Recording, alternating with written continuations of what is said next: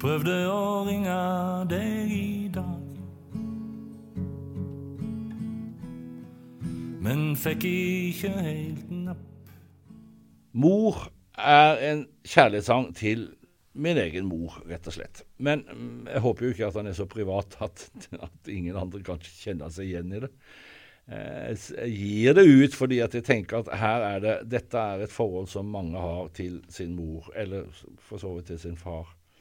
Eh, naturlig nok så har mor og vi hatt eh, våre feider opp gjennom et langt liv. Vært dypt uenige og krangla så busta har føket. Eh, men det har um, også alltid vært en, en kjærlighet og en, eh, en slags en forståelse der, da. Men eh, jeg har en, en bestemt mor, en fargerik mor, en, en mor med voldsom fantasi. Eh, og det er, det er ikke noe kjekt å se at eh, Hva skal du si man, man blir litt borte, da. Hun har dessverre fått en del sånne fysiske plager som, som er tunge å bære.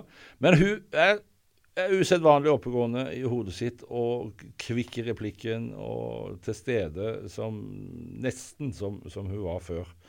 Men er altså fysisk eh, litt, litt hemma.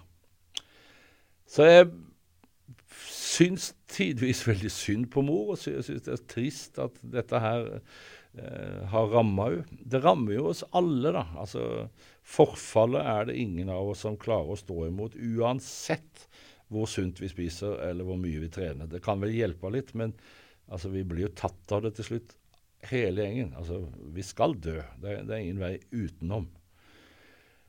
Mm, men jeg håper mor får leve så, lenge hun har lyst, og det er, hun er viktig for oss eh, alle.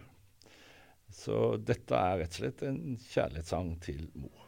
Men nå er bare stolt og glad for at du har tålt meg hele livet. Du fargerike, smarte, gode mor.